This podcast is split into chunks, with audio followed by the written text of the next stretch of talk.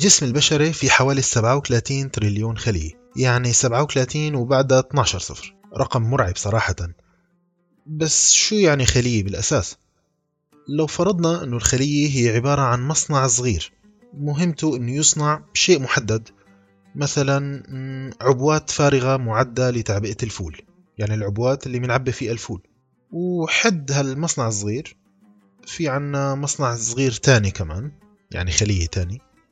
مهمتها إنه تصنع اللصاقة اللي بنحطها على علبة الفول. ومصنع ثالث يعني خلية ثالثة مهمتها إنه تطبخ الفول. وهكذا. ولو فرضنا إنه هالخلايا الصغيرة هاي أو المصانع تتجمع بمكان واحد أو مصنع كبير يستوعبها كلها. فوقتها بنسمي هالتجمع عضو أو organ والمنتج النهائي تبع المصنع الكبير العضو رح يكون علبة مملوءة بالفول وعليها لصاقة. طيب هلا المثال اللي ذكرته هذا غريب شوي ولكن يعني للتبسيط كان. مثال عملي وعلمي هو البنكرياس. البنكرياس اللي موجود بأجسامنا هو عبارة عن عضو organ فيه خلايا اسمها beta cells هاي الخلايا بتتجمع مع بعض وبتصنع لنا منتج يلي هو الإنسولين. فهذا المنتج النهائي هو اللي بنسميه علبة الفول المعبأة الجاهزة للاستهلاك. طيب هالتناغم بين المصانع الصغيرة اللي سميناها الخلايا نسميه استتباب حيوي.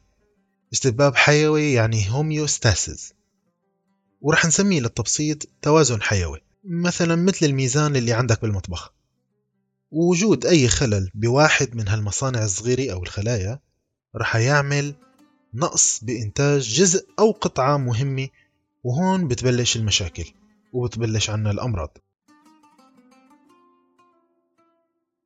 وظيفة التغذية والطب والصيدلة هي محاولة إعادة تأهيل المصانع الصغيرة اللي حكينا عنها أو إنها تحاول ترجع التوازن اللي سميناه الاستتباب الحيوي الهوميوستاسيس كما كان في سابق عهده. التوازن هون عم نشوف إنه هو الأساس.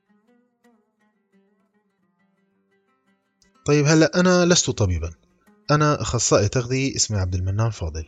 درست بكالوريوس بالتغذية بسوريا وبعدين درست ماجستير بالتغذية على مستوى الجزيئات بإدنبرا وبعدها درست دكتوراه بالتغذية العلاجية والالتهاب بمانشستر. واشتغلت بكثير من الجامعات البريطانية وحاليا بشتغل كأستاذ جامعة senior lecturer وباحث بجامعة ليفربول جون مورس. طيب ليش سردت التخصصات تبعتك؟ السبب إني أكد لك إني أنا ماني طبيب بشري. أنا مختص بالتغذية فقط ولكن دراستي وعملي مبنيين على الطب والفيزياء والرياضيات والكيمياء وهالخليط هذا بيعملنا تخصص التغذية.